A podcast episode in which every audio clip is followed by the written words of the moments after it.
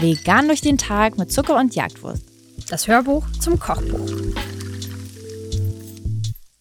Obwohl Kohlrouladen sehr, nee, sie klingen auch nicht unappetitlich, aber sie klingen jetzt nicht nach dem schönsten Essen, das man sich vorstellen kann. Aber dieses Bild dazu finde ich ähm, sehr überraschend. Hässlich.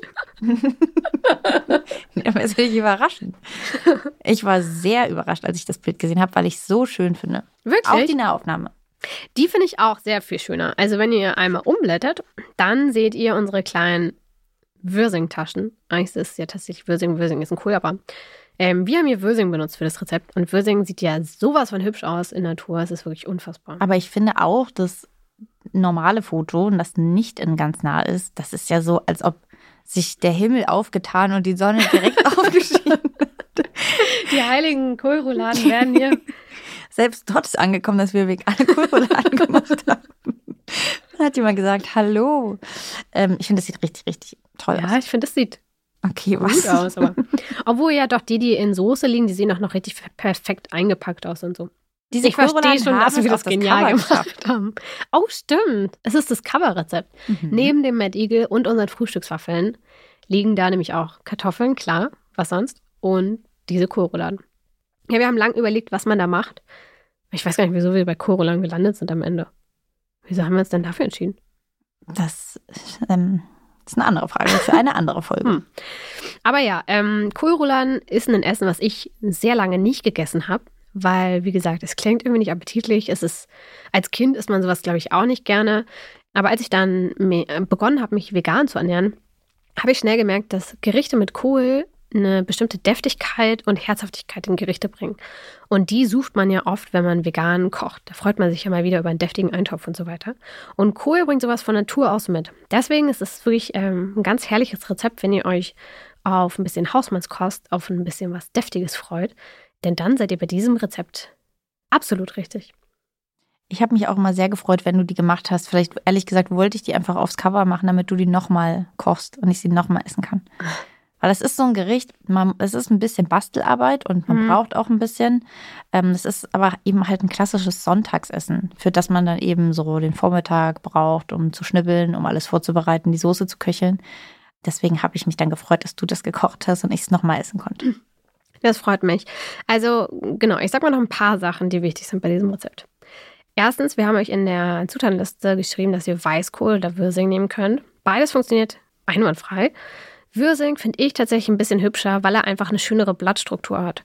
Das heißt, wenn ihr wollt, dass es besonders schön aussieht, dann nehmt ihr einfach Würsing. Aber mit Weißkohl könnt ihr natürlich genauso das Hack einpacken. Ist ja im Endeffekt das gleiche Prinzip, weil ihr habt ein großes Blatt, da packt ihr eure Füllung rein, dann faltet ihr das zu, nehmt ein bisschen Küchengarn, wickelt es da drum und dann geht's in die Pfanne. In der Zutatenliste steht auch gekochte braune Linsen. Und damit meinen wir die Linsen, die man in der Dose tatsächlich schon fertig abgekocht findet. Damit spart ihr zum einen sehr viel Zeit, denn ihr müsst diese Linsen nicht selber abkochen, was super ist. Und zweitens sind die halt schon in der perfekten ähm, Konsistenz. Ihr müsst nur das Wasser abgießen. Und die bringen auch so eine richtig schöne Herzhaftigkeit rein und unterstützen so ein bisschen das Hack. Das heißt, ihr braucht nicht so viel frisches Hack, weil wir einfach einen Teil mit diesen Linsen ersetzen, die natürlich auch noch so ein paar Nährstoffe mit reinbringen. Nico Rittenau wäre stolz auf uns. Frage. Ja. Du nimmst veganes, frisches Hack. Würde es denn auch mit anderen Hackalternativen funktionieren? Ja, sicherlich, aber ja, sicherlich. aber das, ähm, der Vorteil an diesem, ich rede hier von diesem rosanen Hack, richtig, was, was er wie richtiges Hack ja inzwischen im Supermarkt findet, das klebt halt sehr gut. Also das verbindet sich einfach richtig gut mit den Zwiebeln, das verbindet sich richtig gut mit den Linsen. Dann geben wir auch noch ein bisschen Senf und Tomatenmark dazu und dann bekommt ihr einfach so eine recht mh, formbare Masse, aus der ihr zum Beispiel auch, da könntet ihr jetzt zum Beispiel irgendwelche Formen draus machen, aber ihr könnt daraus einfach dann ganz gut Kugeln formen oder eben kleine Patties formen, die ihr dann perfekt auf euren Würsing oder auf euer Weißkohlblatt legen könnt und das bleibt dann so ein bisschen beieinander. Das sieht ihr auch auf dem Bild gut, dass das nicht eine Füllung ist, die wild herumfliegt, sondern eine, die ganz gut formbar ist. Genau. Und dann, wenn ihr die Kohlrouladen dann gefüllt habt, dann legen wir das ja in eine Pfanne und braten die erstmal kräftig an. Und hier liegt der Hauptaugenmerk darauf, dass ihr das wirklich kräftig macht. Wir geben ja auch direkt zu Beginn Tomatenmark schon hinzu. Und das ist so ein bisschen die Basis der Soße. Das heißt, wenn ihr diese Kohlrouladen nicht ordentlich anbratet, das Tomatenmark nicht schön karamellisiert und richtig schön dunkel wird, dann werdet ihr später auch keine richtig schöne Bratensauce haben. Deswegen bratet gerne schön lange an, nehmt euch Zeit dafür, gebt genug Öl bzw. vegane Butter, wie auch immer ihr es macht, ähm, hinzu. Das ist ähm, die Basis für unsere Soße und deswegen sehr wichtig. Ich finde die Soße ist wirklich so lecker. Also ich würde keine Saftkur nochmal machen, aber drei Tage diese Soße trinken schaffe ich. Ja, und das Gute ist, wir haben es auch extra so gemacht, dass ihr wirklich nur eine Pfanne braucht für alles.